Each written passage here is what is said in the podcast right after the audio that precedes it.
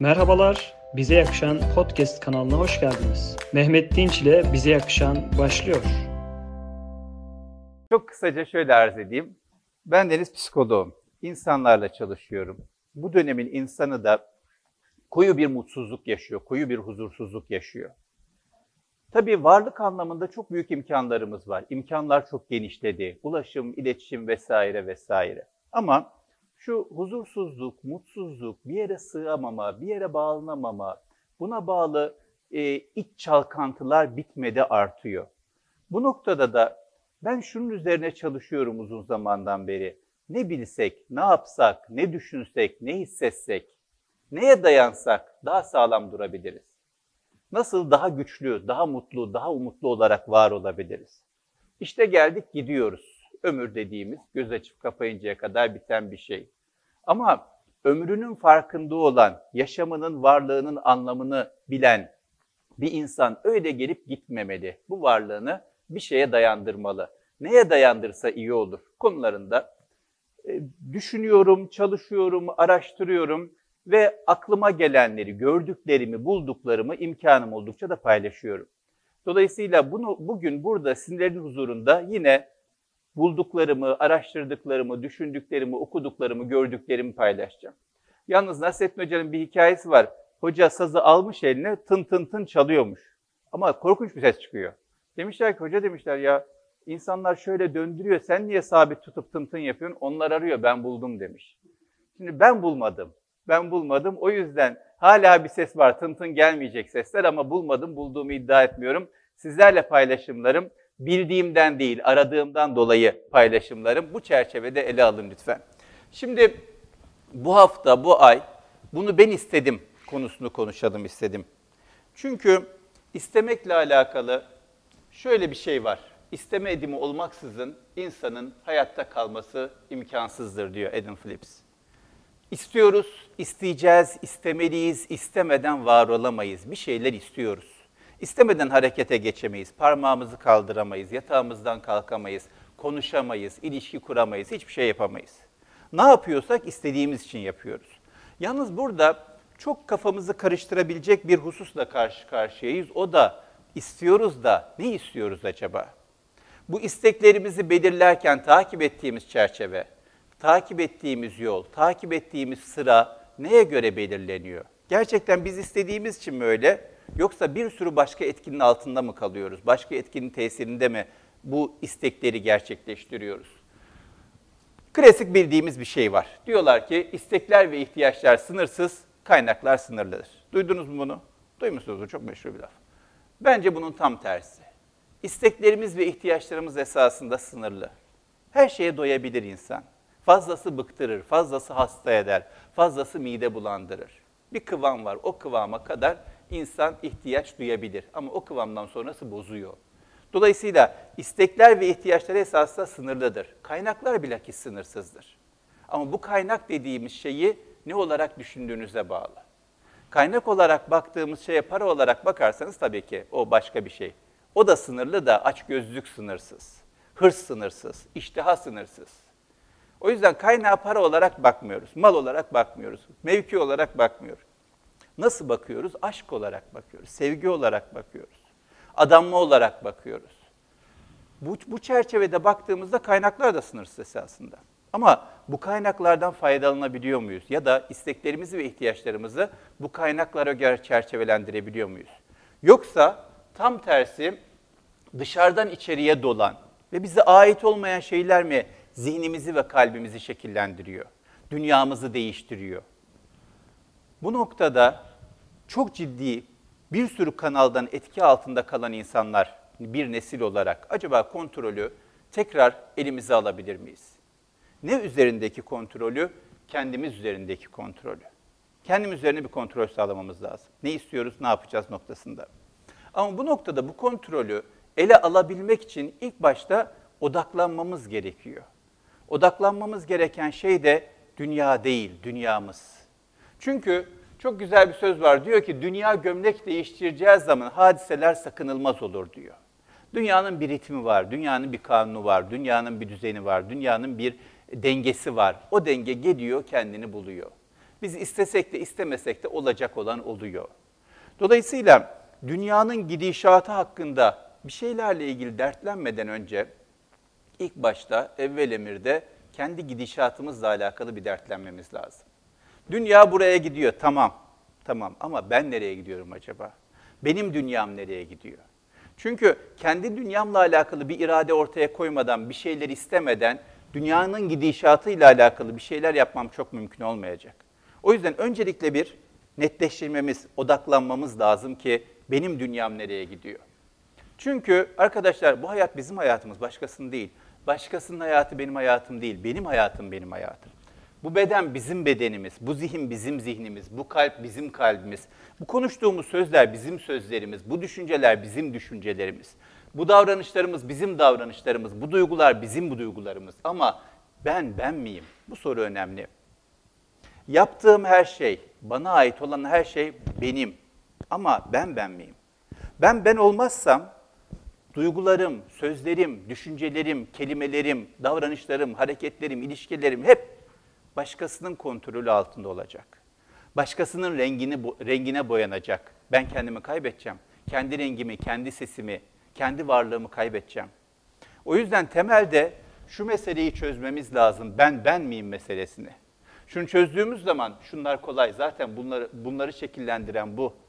Beni bulursam duygum, düşüncem, her şeyim istediğim kıvama gelecek. Ama beni kaybedersem başkasının sesi olacağım, başkasının sözü olacağım, başkasının fikri olacağım, başkasının duygusu olacağım. Başkasının duyguda hep iğreti durduğu için üzerimde, hiç uymadığı için bana başkasının olduğu için hep garip duracak, hep mutsuz edecek, hep rahatsız edecek. Bir türlü olmayacak bana yani çünkü benim değil.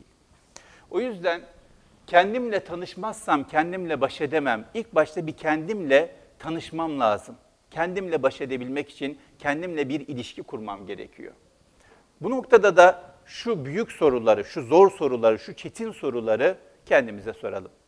Kolay görünüyor, basit görünüyor ama oldukça zorlayıcı sorular esasında. Diyor ki ne durumdayım? Ne kadar razıyım kendimden bu hayatımda? Şöyle kendi kendinize sorun. Ne durumdayız acaba? Kendimizden ne kadar razıyız? Ne kadar memnunuz? Ne kadar mutluyuz? Hayatımızdan ne kadar razıyız? Gün içinde, hafta içinde, ay içinde, bugünlerde neler yapıyoruz? Neler yapmıyoruz?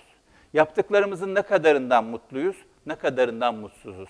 Yapmadıklarımızın ne kadarından mutluyuz, ne kadarından mutsuzuz? Ne düşünüyoruz? Neden böyle düşünüyoruz? Düşüncemizi besleyen kaynaklar neler? Düşüncelerimiz iyi düşünceler mi, iyi hissettiren düşünceler mi, iyi şeyler yaptıran düşünceler mi? Yoksa kötü hissettiren, aşağı çeken, bir şeyler yaptırmayan ya da kötü şeyler yaptıran düşünceler mi? Aynısı duygularımız için de geçerli. Duygularımız iyi düşünceler mi? Bizi iyi hissettiren, güçlü hissettiren, bir şeyler yaptıran, harekete geçiren, iyi yapan düşünceler mi yoksa tam tersi mi? Nelerle uğraşıyoruz? Meşguliyetimiz nelerle? Günümüz nasıl geçiyor? En çok vakitleri neye ayırıyoruz? Zihin olarak, kalp olarak, davranış olarak. Dışarıdan baktığında birisi bize ne görüyor hayatımızda en bariz olarak yer kaplayan? 24 saatin içinde en büyük dilim nereye gidiyor acaba? Bunlar hep bize dair bir şeyler söyleyecekler. Neleri hedefliyoruz? Bir yoldayız. Nereye gidiyoruz acaba? Bu yol bizi nereye götürecek acaba? İstediğimiz yere çıkacak mı acaba? Doğru yolda mı gidiyoruz acaba? Bu yol doğru bir yol, gitmemiz gereken bir yol mu? İstediğimiz, razı olduğumuz bir yol mu? Kimlerle görüşüyoruz? Yol arkadaşlarımız kimler? Bizi nereye götürüyorlar? Nasıl etkiliyorlar? Nasıl tesir ediyorlar? Çok basit sorular ama zor sorular. Hepsini teker teker bir düşünmemiz lazım. Bunları düşündüğümüz zaman, bir kıvama getirdiğimiz zaman çok rahatlayacağız. Çok hafifleyeceğiz, çok güçleneceğiz, çok sağlam durabileceğiz. Ama bunları çok netleştirmemiz lazım. Bunları netleştirdiğimiz zaman işte her şey benim diyebileceğim.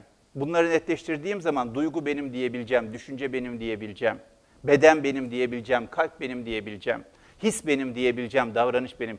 Yaptığımın, bana, ait olanın arkasında durabileceğim.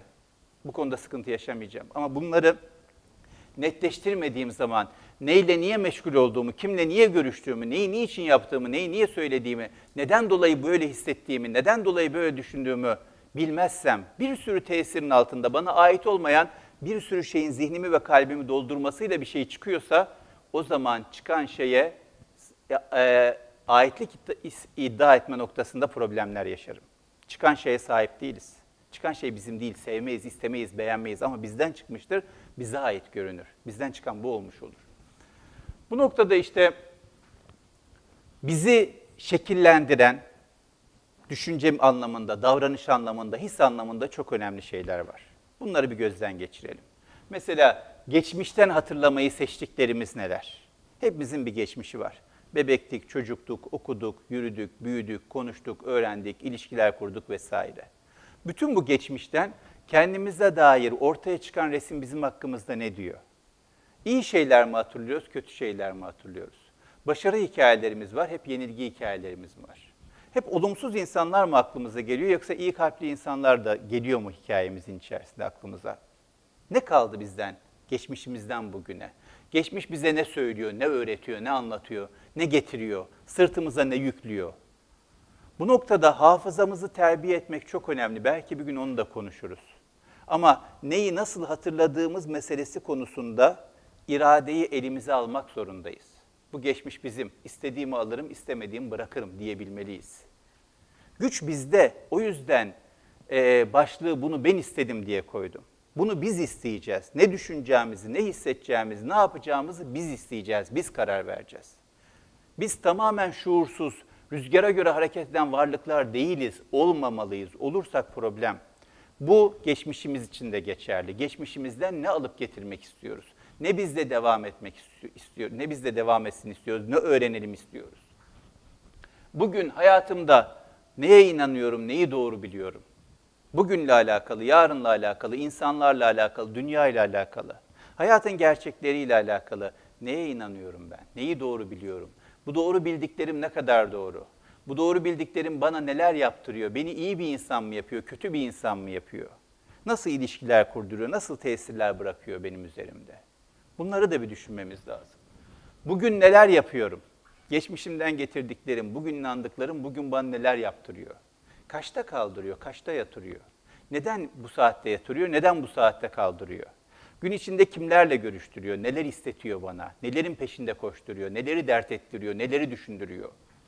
Çevremde kimler var, kimleri seviyorum, kimlerle görüşüyorum, kimlerin tesiri altındayım, kimler benim ruhumu şekillendiriyor?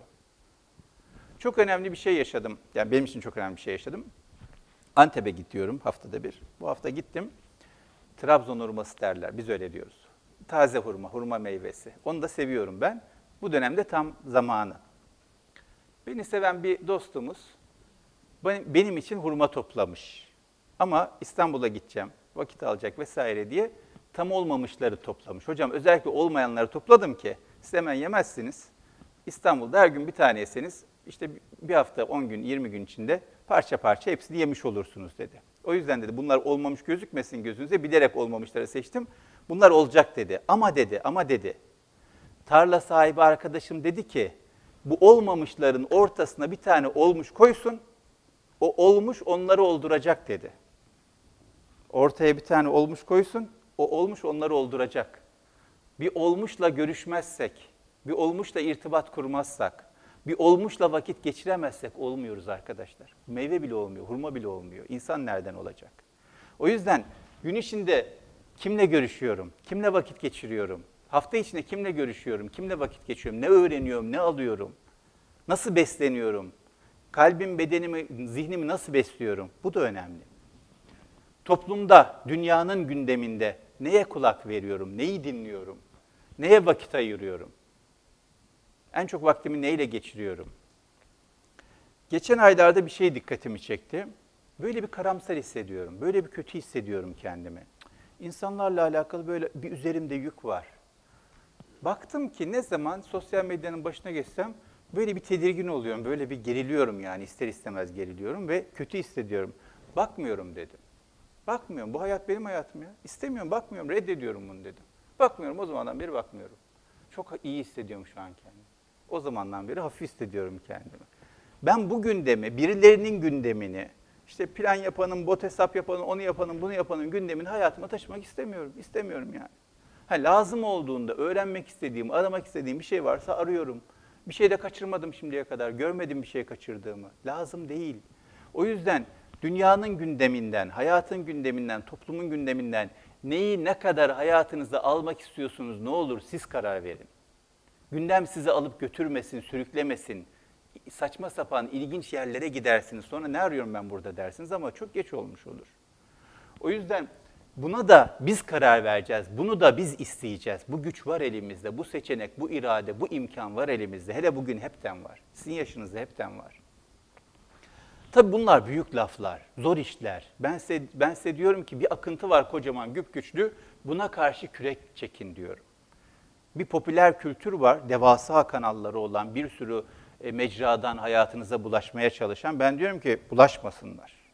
Bir set çekin diyorum. Güçlü bir set çekin ama o kadar güçlü olmalı ki o dalga açı, aşıp geçmemeli. Nasıl olacak? Onun üzerine huzurlarınızdayım işte. Nasıl olacağı konuşalım için. Çok güzel bir şiir okudum geçenlerde. Şiirin adı Her Şey Karışık. Enes Kılıç diye bir arkadaşımız yazmış. Her şey karışık, bir netleştirmemiz lazım. Şiiri okuyayım size. Bir şeyler yapmalıyım ile bir şey yapmak arasında elimden gelmiyor ya Rabbi bir çiçeğin susuzluğunu gidermek. Kaldırıp bir taş atamayacak kadar zalimim, yok değilim. Mazlumun yanındayım herhalde ya Rabbi, bana öyle geliyor. Hatta hep mazlumum ve kaldırıp ataca- taş atacak kimsem de yok, tuhaf. Bekliyorsun günler bir uyarıcı gibi gelmiyor koşarak. Bu kadar hızın içinde kimse yardıma da koşmuyor. Haklısın yani bir yerde. Kalkıp masadaki çiçeğe su verdim, dayanamadım, ben de içtim. İkimiz de besledim ya Rabbi, her şey karışık. Her şey bittiğinde kalan ben miyim? Diğer adamın unutulduğu sahnede mesela. Kanımda beni yıpratan bilmek ve diğer başka bilmeler. Kahvede arkadaşlar ve radyoda Rihanna kandırılmışlıklar. Hayat sahnenin değişmesi böyle koylaca, kolayca. Bağışla bütün bunlara ayak uyduruyorum ya Rabbim, zorlanıyorum. Çok hoşuma giden, bana bir şekilde dokunan bir şiir oldu. Bir şeylere ayak uyduruyoruz ama uydurmak zorunda mıyız gerçekten? İstiyor muyuz, mutlu muyuz, razı mıyız bu ayak uydurduklarımızda? Yoksa her şey karışık olduğu için bu şeylere mi ayak uyduruyoruz? Önce bir netleştirmemiz lazım. Her şey karışık, evet. Her şeyin karışık olduğu bir dönemden geçiyoruz. Bir netleştirelim. Nasıl- netleştirelim? Önce ne lazım? Ona bir bakalım. Geçen hafta Antep'te Kemal Sayar Hoca ile beraber sahneye çıktık, konuşuyoruz. Burada da bir defa misafir etmiştiler bizi. Konuşuyoruz, hoca bir şey dedi. Çok hoşuma gitti, burada yer verdim. Dedi ki, Allah var, sen varsın, umut var. Başka bir şeye ihtiyacın yok dedi. Allah sana, sana ömür verdiyse, sağlık verdiyse, akıl verdiyse, güç verdiyse başka neye ihtiyacın var sen de varsan dedi. Karar verecek olan sensin, sınır çizecek olan sensin, izin verecek olan sensin, alacak olan sensin, verecek olan sensin. Başka bir şeye ihtiyacın yok dedi. O yüzden önce şunu bilelim. Makama, mevkiye, paraya, imkana, güce, ona, buna, çevreye ihtiyacımız yok. Allah var, biz varız yeter. Bir sürü şey yapabiliriz. Hayatımızın ipleri elimizde. Biz istiyorsak olacak. Bunu biz istediğimiz için olacak. Ama bu gücümüzün bir farkına varalım. Hayat bizim hayatımız, kalp bizim kalbimiz, be- beyin bizim beyde- beynimiz, beden bizim bedenimiz.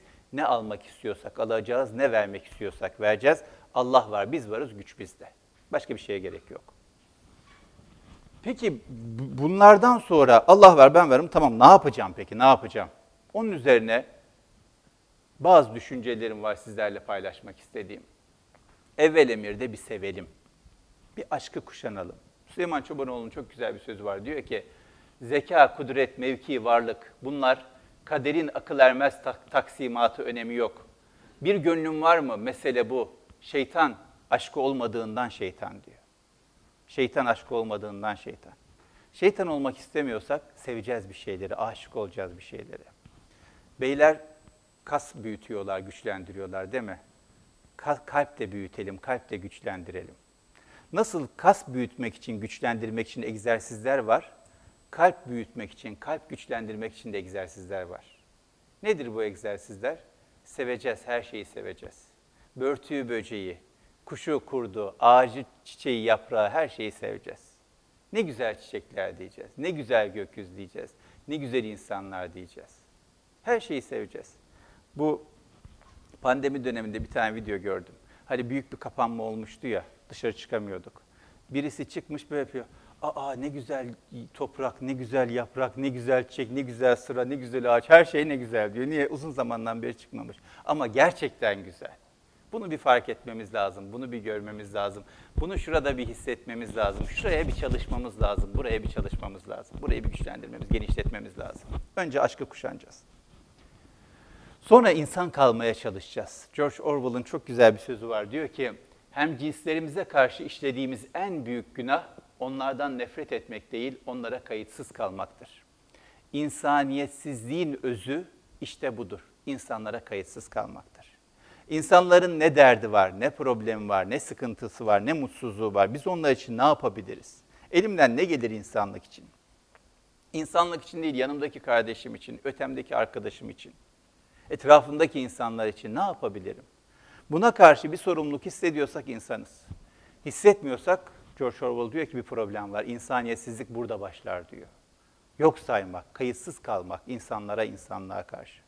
O yüzden ikinci olarak insan kalmaya çalışarak, diğer insanlara karşı bir sorumluluk hissederek, yapabileceğimizi esirgemeyerek insan kalarak bunu yapabiliriz. Üçüncüsü tereddüt etmeyerek, emin olarak, güçlü olarak, net olarak, şek şüphe, şekle şüpheyle yürümeyerek. Bakın Tanpınar'ın çok güzel bir sözü var. Diyor ki, bütün azabımız bu tereddütte. Bazı büyük müesseselerin mevcudiyeti vazife duygusuna insanları çok şaşırtıyor. Mesuliyet duygusunu herkese şamil bir hale getirene kadar insanlık daha çok hata yapar. Yardım kuruluşları var, devletler var, belediyeler var falan filan. Onlar yapıyorlardır muhakkak. Onlar yapar, sen de yap. Sen de yapabildiğini yap. Sen de gücün yeteni, elin erdiğini yap. Sen de onların yapamadığını yap. Sen yap, onlara bakma. İlla onlar yapacak diye bir şey yok. Ne yapsak bize, ne yapsak kazanırız. Yaptığımızda biz kazanıyoruz ve yaptığımız insan değil. Yaptığımız insan da kazanır ama en çok kazanan bizi. Sosyal psikoloji hep bunun üzerine dönüyor. Diyor ki prososyal davranış insanı güçlendirir diyor. İyilik yapmak insanı mutlu eder diyor. Çikolata yemekten daha etkili diyor. Kilo da aldırmıyor. O yüzden yaptığımızı yapabilmeye çalışalım tereddüt etmeden, birilerinden işaret beklemeden, emir beklemeden, izin beklemeden, teşvik beklemeden. Elimden geliyor, gücüm yetiyor, yapıyorum, hiç beklemiyorum bedenimizle beraber ruhumuzu da yaşatmamız gerekiyor. Bir diğer mesele. Bakın Nurettin Topçu'dan Ali Birinci diyor ki naklen, hayat yaşanmaya değer mi sualini sormaya hakkımız yoktur. Çünkü bedenimiz bütün şartlara rağmen yaşamaya devam ediyor ve yaşamak istiyor. Bir insanın bedeninin başına ne gelirse gelsin, beden kendini savunuyor, mücadele ediyor, gayret ediyor. İnsan kendi kendini kesse bile beyni ve ruhu öyle istediği için Beden direniyor, beden isyan ediyor, beden hayatta kalmaya çalışıyor. Beden varsam var olmak için mücadele ederim son ana kadar diyor. Son ana kadar ölmemeye çalışırım, son ana kadar yaşamaya çalışırım diyor. Ruhu da biz yaşatacağız. Beden bizde var olduğu sürece ruh da var olacak. Ruhtan vazgeçmeyeceğiz. Bedenimiz nefes alıp veriyorsak, varsa ruhumuz da nefes alıp verecek. Ruhumuzda yaşayacak, ruhumuzda beslenecek, ruhumuzda dinlenecek, ruhumuzda büyüyecek. Nasıl bedenimiz büyüyor, besleniyor, dinleniyorsa. Ama bunu biz iradi olarak yapacağız. Beden bunu gayri iradi yapıyor. Biz ruhu iradeyle yaşatacağız. İşte burada hür irade söz konusu. Hepimizin hür iradesi var. Topçu diyor ki ahlakın temeli insandaki hür iradedir. İradesi hür olmayanın ahlakı da olmaz inancını ve ahlakını yitiren bir cemiyette yalan, hile ve riya kökleşir, kimsenin kimseye güveni kalmaz. Sevginin, ümidin ve güvenin olmadığı yerde ahlaktan söz edilemez. Ahlaksızlığın kök saldığı bir cemiyet ne kültürü yaşatabilir ne de varlığını. Ahlakını yitiren bir toplum ne devlet kurabilir ne de medeniyet. Medeniyet için, devlet için, onu da geçin kendimiz için, var olabilmek için sevgi, ümit ve güvene ihtiyacımız var. Yalan, hile, hile riyanın kaybolması gerekiyor. Nasıl olacak bunlar? Çok zor bir şeyden bahsediyorum. Toplumda yalan olmasın, hile olmasın, riya olmasın, sevgi olsun, umut olsun, güven olsun diyorum. Nasıl olacak bu? Bizden başlayacak. Biz sevgi dolu olacağız. Biz umut dolu olacağız. Biz güven insanı olacağız. Bizde yalan olmayacak, bizde hile olmayacak, bizde riya olmayacak. Ve bulaşacak, yayılacak. İyilik insanın fıtratındadır, doğasındadır. Kötülükten daha hızlı yayılır. Emin olun daha hızlı yayılır. Kötülüğün yayma, kötülüğü yaymak daha zordur fıtri olmadığı için. O yüzden hür irademizle sevgi, umut ve güven insanları olacağız. Bunu böyle davranmayı, böyle insanlar olmayı seçeceğiz. Ve buna en küçük hareketlerden başlayacağız. En önemsenmeyen, en basit görülen, en kolay yapılabilecek şeylerden başlayacağız. Oscar Wilde'ın çok önemli bir sözü var. Diyor ki, günün en küçük hareketleri seciyeyi yapar ya da yıkar diyor. Karakteri yapar ya da yıkar diyor. Kalkma saatimiz karakterimizi inşa eder, yapar ya da yıkar. Yatma saatimiz, nasıl yemek yediğimiz, nasıl selam verdiğimiz, sabah kalktığımızda ilk ne yaptığımız, arkadaşlarımızla ya da herhangi bir insanla karşılaştığımızda ilk davranışlarımız, küçük küçük küçük küçük şeyler. Ne yaptığımız karakterimizi yapar ya da yıkar. Bizi iyi bir insan yapar ya da iyi olmaktan uzaklaştırır. Bizi hedeflerimize yaklaştırır ya da hedeflerimizin bambaşka bir insan olmamıza sebep olur. Çok küçük hareketler, çok basit hareketler, çok küçük adımlar. O yüzden umut insanı olacağız, sevgi insanı olacağız, güven insanı olacağız. Büyük büyük hedefler bunlar. Nereden başlayacağız? Yatma saatinden. Yat, kalktığımızda ilk ne yapacağımızdan, ilk karşılaştığımız insana nasıl selam vereceğimizden, etrafa nasıl baktığımızdan, insanlara nasıl baktığımızdan, metroya nasıl bindiğimizden başlayacağız. Metroda insanlara yer veriyor muyuz, ondan yol veriyor muyuz, ondan başlayacağız. Yürüyen merdivende ne tarafta duruyoruz, ondan başlayacağız. Küçük küçük küçük küçük hareketler. Ama başka insanlara karşı bir sorumluluk hissederek yaptığımız her şey karakterimizi şekillendirecek, yapacak ya da yıkacak. O yüzden en küçük hareketlerden başlamak üzere, üzere bir hayat tarzı inşa edeceğiz. Öyle bir hayat tarzı olacak ki bizim etimiz, kanımız, damarımız olacak, derimiz olacak, bizden çıkmayacak. Zorlanmayacağız güzel insan olmak için. Doğamızda olacak, bize sinecek, yapışacak, bize ait olacak. Biz dendiğimizde o akla gelecek. Bizde o kadar bütünleşecek. Bahanelerden kaçmak bu noktada çok önemli. Bahane bulabilir mi insan? Bulur. Her taraftan bahane bulmak kolay. Ama günün sonunda hiç kimse hiç kimseye evet hadi anlat bakalım bahanelerin nelerdi demeyecek. Hiçbir iş görüşmesinde, hiçbir değerlendirmede, hiçbir sınavlarda lütfen bahanelerinizi yazın demez kimse. Her şeye rağmen ne yaptın der. Her şeye rağmen ne biliyorsun der. Her şeye rağmen ne başardın der. Bahane duymayı kimse istemez. Herkesin bahanesi vardır. Bu bahanelere rağmen ne yaptın? Nitekim çok güzel bir söz var. Diyor ki, üç nesnenin, üç nesneye ihtiyacı yoktur. Evvela aşka güzellik lazım değildir. Zira gönül her kimi severse güzel odur. İkinci olarak şecaate yani yiğitliğe, cesarete cüsse lazım değildir. Cüsse olmadan da yiğitlik olur, cüsse olmadan da şecaat, cesaret olur. Üçüncüsü sehavete yani cömertliğe mal lazım değildir. Nitekim geçen senelerde İngiltere'de yapılan bir sosyal psikoloji araştırması var. Diyor ki maddi durumu düşük olanlar maddi durumu yüksek olanlardan daha cömertmiş. Araştırma yapılmış öyle çıkmış. Öyledir. Çünkü mesele mal sahibi, mülk sahibi olmak değil. Mesele kalp sahibi olmak. Kalp sahibi ise insan onun cesareti de vardır cüssesi olmasa da, cömertliği de vardır malı olmasa da, e, aşkı da vardır güzelliği olmasa da. O yüzden o yok, bu yok, şu yok, şu engel var, bu engel var. Bahanelere takılmayın arkadaşlar. Gün sonunda bize bahanelerimiz sorulmayacak. Her şeye rağmen ne yaptığımız sorulacak. Ve bazı şeyler olmadan da olur. İlla o olmadan olmaz diye bir şey yok. Bu yol kapalıysa bu yoldan gidersiniz, bu yoldan gidersiniz, bu yoldan gidersiniz. Yeter gitmek isteyin. Bu noktada kalbimizi bir yoklayalım. Duruyor mu? Nasıl duruyor acaba? Nerede duruyor acaba? Ne kadar hissediyoruz acaba? Ne kadar konuşuyor acaba? Ne kadar bize bir şey söylüyor acaba? Ne kadar bize rehberlik ediyor? Ne kadar bizi yönlendiriyor acaba? Mustafa Kutlu'nun çok güzel bir sözü var. Diyor ki, affın adaletten üstün olduğunu ancak kalbi olanlar bilir. Kalbi olduğum bir insan affetmek ona zor değildir. Ama kalp yoksa veya zayıfsa veya konuşamıyorsa veya sesini duyduramıyorsa illa adalet ister. Bana bunu nasıl yaparlar? Asla unutamıyorum der, kendi hayatını berbat eder. Çünkü affetmemek en başta insanın kendi taşıdığı büyüktür. En çok kendi kendine zarar verir. En çok kendi onunla beraberdir. O düşünceyle, o hisle, o ağırlıkla, o yükle kendisi muhataptır, kendisi taşır. Kendisi yüklenir, kendisi yorulur. Kalp der ki taşıma bırak, affettim, sil, geç der. Adaletten daha önemli olan aftır der. Geçer gider insan, kalbi varsa. Hayata dair bir sürü şey bunlar, buna benzer. O yüzden şu kalbimizi yoklayalım. Ne diyor bize? Ne istiyor? Neye ihtiyacı var? Ne konuşuyor? Sesini duyurabiliyor mu bize? Yoksa hep beden mi diyor? Hep beden bir şeyler mi söylüyor? Bedenimiz acıktım diyor, hemen doyuruyoruz. Aman acıkma tamam problem yapma çıkarma arıza. Uykum var diyor, uyutuyoruz. Yoruldum diyor, dinlendiriyoruz. E, kalbimiz de bir şeyler diyor. Ona da bir kulak verelim. O da bir şeyler demek istiyor. Ne olur bir kulak verelim ona. Bizi yönlendirecek, bize rehberlik edecek. Bu noktada ah, kalbimizi de yerine yerleştirdikten ya da sesini duymaya başladıktan sonra ahlakı kuşanmak çok önemli. Said Halim Paşa'nın harikulade bir tespiti var. Dün eşim şöyle bir göz gezdir dedim. Bir bak bakalım eksiğim kusurum var mı sunumda diye.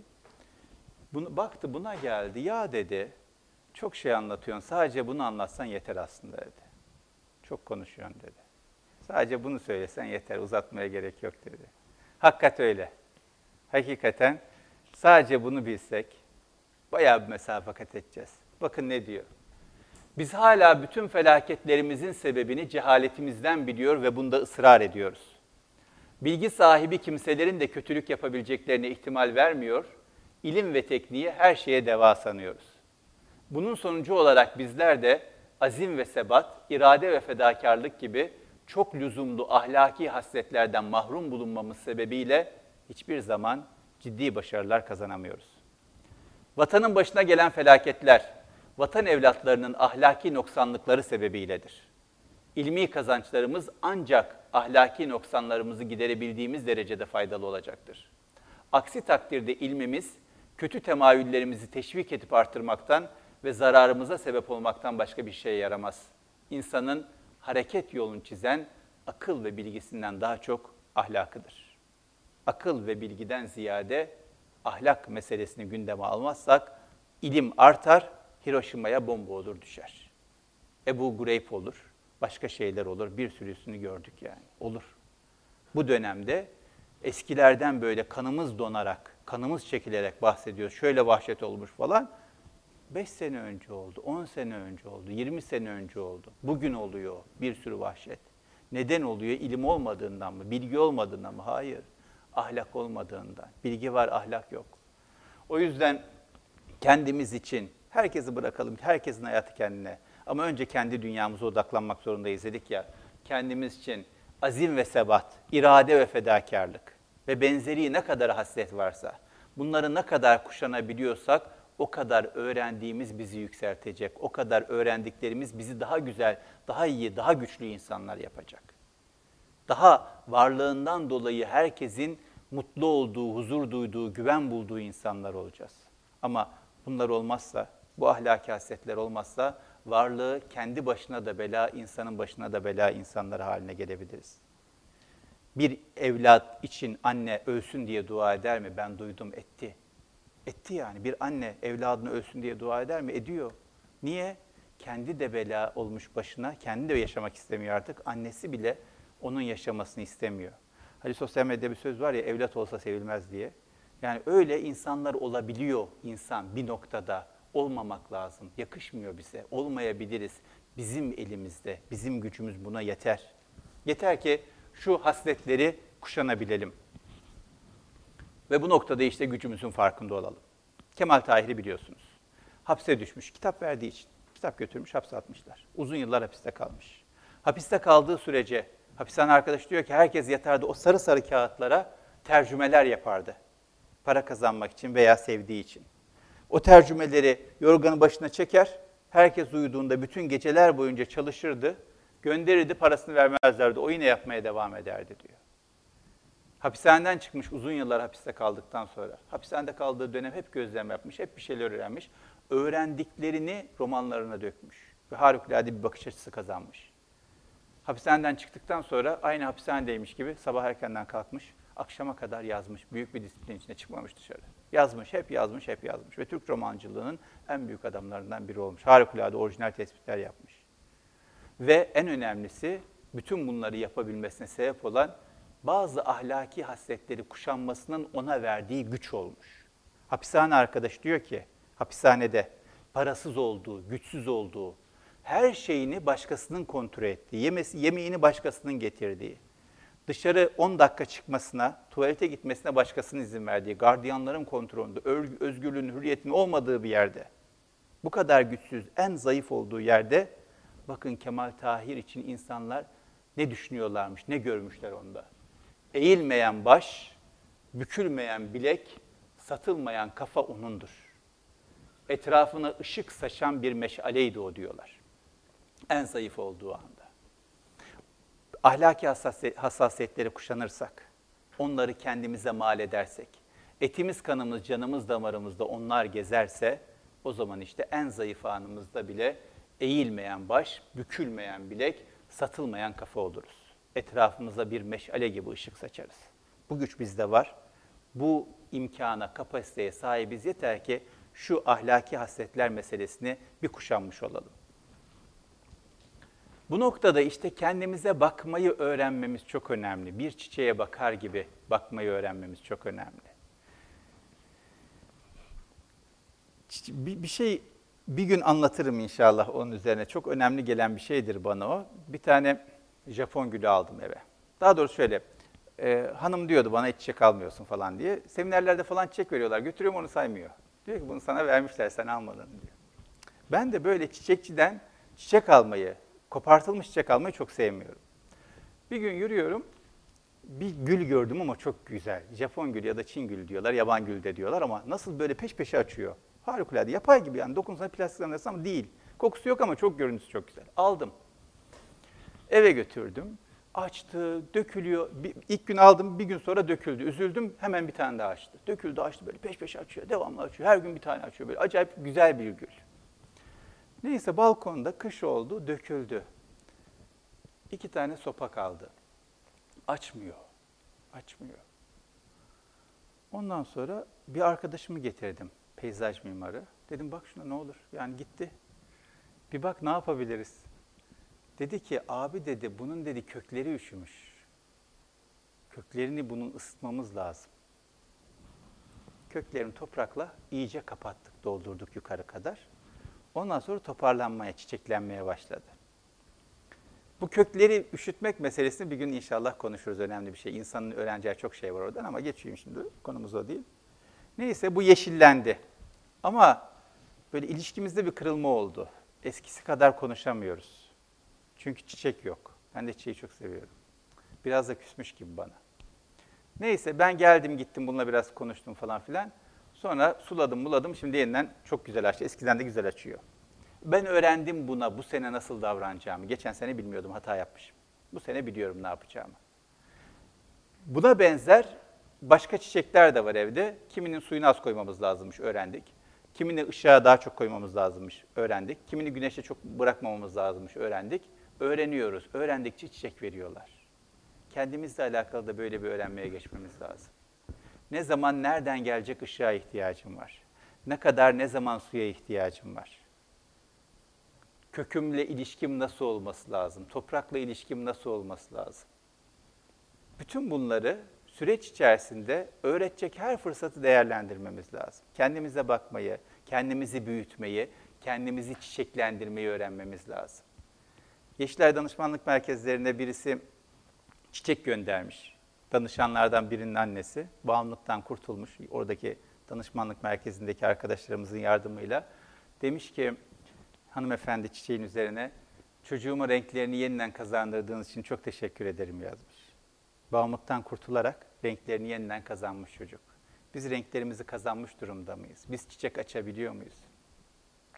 İstediğimiz renklere sahip miyiz? Bir bakalım, bir öğrenelim kendimizi. Nasıl çiçek açarız, nasıl sağlam dururuz, nasıl solmayız?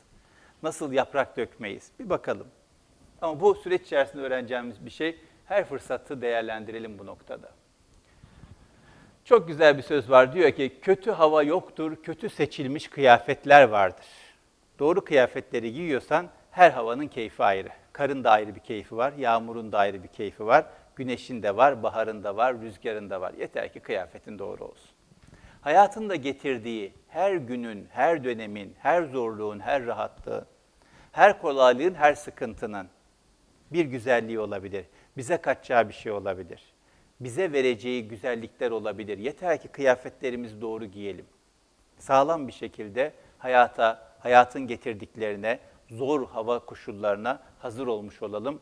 Bunlara hazır olduktan sonra her gün güzel. Bunlara hazır olmadıktan sonra güneşten de şikayet ederiz, bahardan da şikayet ederiz, kara da tahammül edemeyiz, yağmura da tahammül edemeyiz. Ama sağlam giyinirsek, sağlam kuşanırsak, bize ne lazım bilirsek her günün keyfi ayrı. Bu önemli. Bence çok önemli. Kalbi yumuşatmak meselesi. Kalbi yumuşatmak ne demek? Bence sulu göz olmak demek. Gözlerimizin yaşarabilmesi demek. Kalbimizi hissedebilmemiz demek. Burada bir şey var, canlı ve atıyor zaman zaman. Onu fark etmek demek. Süleyman Çobanlı'nın bir şiiri var. Diyor ki, bir şey acır içimde bu göğsüme ne kattın diyor. Burada varlığını gösteren, ses veren, atan bir şey, hareket eden, durmayan, yerinde durmayan bir şey var. Titreyen bir şey var. Ne kattın buraya diyor. Kalbi yumuşatmak çok önemli bir şey. Mustafa Kara Hoca var. Biraz sonra göstereceğim size onu. Mustafa Kara Hoca Bursa'da yaşayan bir adamdır. Cep telefonu yoktur. Acayip bir adamdır. Bir öğrencisi diyor ki, bir gün diyor hoca ders anlatıyor. Durdu diyor. Baktık ki diyor dışarıda bir kuş sesi var. Onun için durmuş, onu dinliyor diyor. Hep beraber o kuş dinledik biraz diyor. Sonra hoca gözlerini sildi, derse devam etti diyor.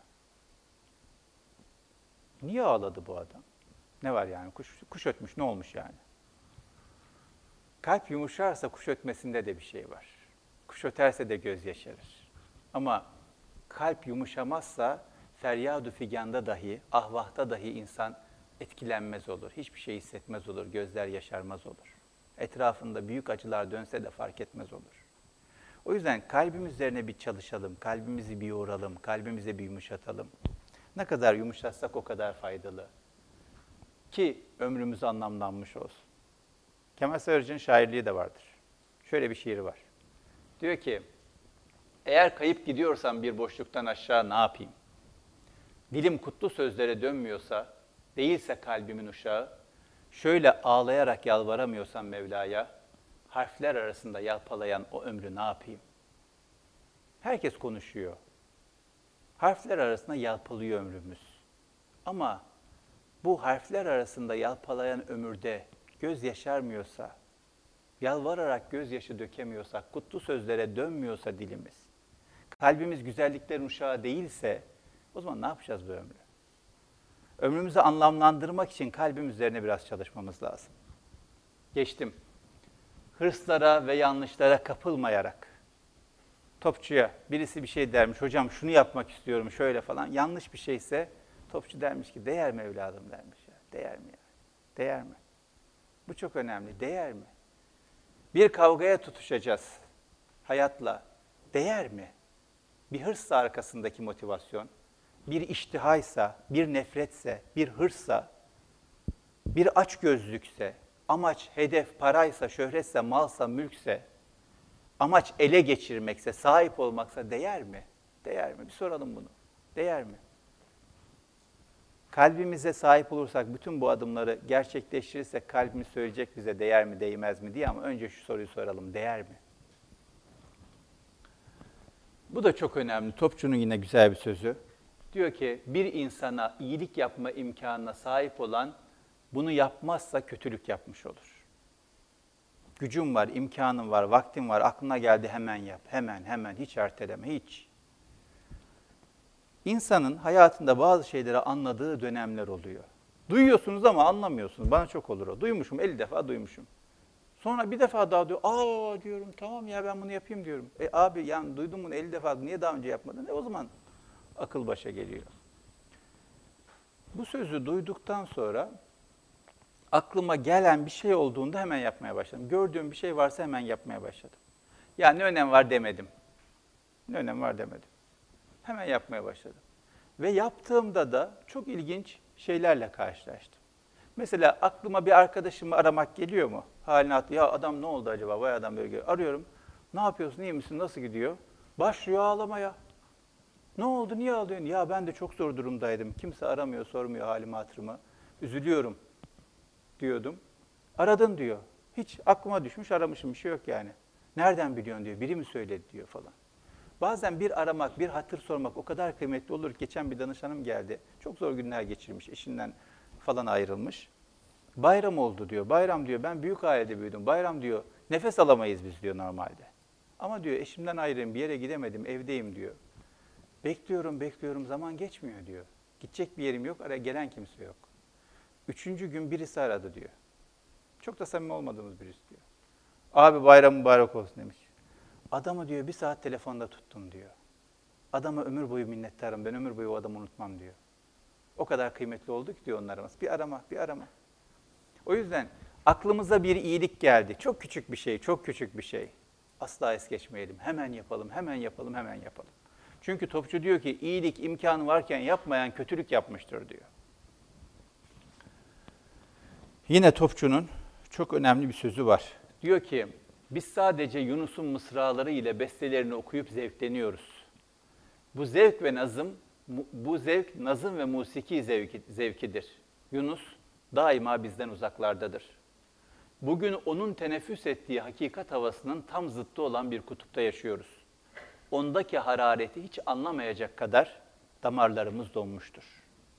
Onun çirkeflere attığı cesedi hükümdar yaptık. Bizim varlığımıza sultan olan hırslarla iştihaları o tam 600 sene önce sefillere sadaka olsun diye dağıtmıştı. Bir Yunus var. Biliyoruz, bilmeyen yok. Bin yıl önce yaşamış neredeyse. Yunus öldü diye sela verirler. Ölen hayvan imiş, aşıklar ölmez diyor. Ölmemişti hakikaten. Bin yıl öteden sesini duyuyoruz. Beden gitmiş çok önemli değil. Yunus nasıl Yunus olmuş? Yunus nasıl Yunus olmuş? Bir hararet var. O kalbi öldürmemiş işte. Bu, göğsüme ne kattın diyor ya, orada bir hararet var. O hararet ölmediği için bugün yaşıyor, damarlar donmamış. Çirkeflere attığı ceset, beden, biz hükümdar yaparsak kaybederiz. Beden ne diyor, ne istiyor çok önemli değil. Hakkını vereceğiz ama baş tacı yapmayacağız. Beden ruhun emrinde, kalbin emrinde olacak. Her şey bedenin emrine girmeyecek. İştihalar, hırslar, makam mevki sevdası, sevgisi, arzusu hiç elimizin tersiyle içeceğimiz şeyler olacak. Öyle yapabilirsek zor bir şeyden bahsediyorum ama Yunus olabilmek mümkün. Bunları yapmadığımız sürece Yunus güzel sözler söylemiş. Böyle bir ritmi olan şeyler söylemiş. Güzel de besteler falan yapmışlar. İyi güzel bir adam yani humanist. İyi maşallah falan olmuş olur. Ruhunu sirayet edemeyiz, teneffüs edemeyiz o havayı. Vaktim daraldı, hızlıca geçiyorum. Yalnız kalmamak çok önemli. Yapacaksak beraber yapacağız. Birlikte yapacağız. Yalnızlık psikolojinin de çok üzerinde durduğu bir durum. Diyor ki yalnızlık sadece sıkıcı bir durum değil, aynı zamanda sağlığın için de zararlıdır.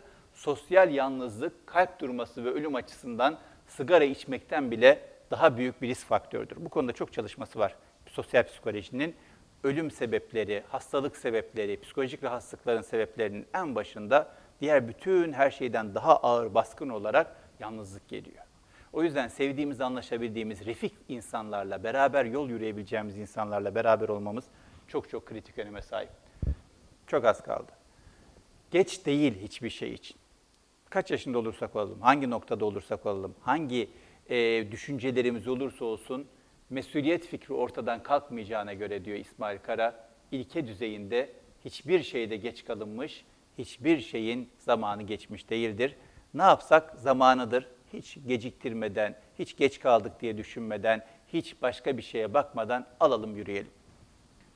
Ve bazı şeyleri terk ederek bunları yapacağız. Çünkü bir yola gidiyoruz. Yolda ne kadar gereksiz ağırlık varsa atmamız lazım. Diyor ki Mustafa Kutlu, madem ki içinde bulunduğun yer, konuştuğun kimse sana feyiz vermiyor, terke mani olan ne? Bunun bir de İngilizlerin söylediği bir şey var. Diyor ki, bulunduğun yerden mutlu değilsen, yürü sen ağaç değilsin diyor. Ağaç sabit, hareket edemiyor ama sen insansın, yürü git, bırak, terk et. Terk etmek lazım bazı şeyleri. Terk ederek olacak, terk etmeden olmayacak. Ve bütün bunları kolay olduğu için değil, kolay geldiği için yapmayacağız. Tanpınar diyor ki, vatan ve millet, vatan ve millet oldukları için sevilir. Bir din, din olarak münakaşa edilir, ret veya kabul edilir. Yoksa hayatımıza getireceği kolaylıklar için değil. Rahat yaşayalım diye. İnandığımız şeyler bize kolay bir hayat sunsun diye değil. Doğru olduğunu bildiğimiz için, bize yakıştığı için, içimize sindiği için, doğru yolun bu olduğuna inandığımız için seveceğiz vatanı, seveceğiz toprağı, seveceğiz insanı. Seveceğiz yaptığımız doğru işleri. Kolay olduğu için değil, bunlar kolay olmayacak çünkü. Doğru olduğu için yapacağız bunu. Ama bizi mutlu edecek, bize huzur verecek olan şeyler de kolay şeyler olmayacak. Zor olan ama hak ettiğimiz, başardığımız şeyler olacak. Son olarak nereye varacağız meselesi Kutlu yine söylüyor. Diyor ki bir hayat tarzı oluşturacağız ki bu hayat tarzı insana ve tabiata dost, belki fakir ama muhakkak onurlu, belki az ama kesinlikle helal, belki küçük ama mutlaka güzel, çelikten bir irade, bağımsız kendine yeten bir düzen ve asla teslim olmayan bir ruhla olacak. Vardığımız yer burası olmuş olacak. Buna ben inanıyorum. Kendi umuduma, inancıma, ilkelerime, değerlerime inanıyorum. Ama size dair çok daha fazla inanıyorum. Kendimden çok bizden sonraki gelecek neslin böyle bir hayat tarzını inşa edeceğine inanıyorum. Çünkü her ne kadar birileri yeni gelen nesille alakalı bir şeyler söylese de benim gördüğüm çok daha hakkaniyetli, çok daha adil, çok daha doğru durabilen sağlam bir nesil geliyor. O yüzden sizden yana çok umudumuz var. Yolunuz bahtınız açık olsun. Tekrar görüşmek üzere.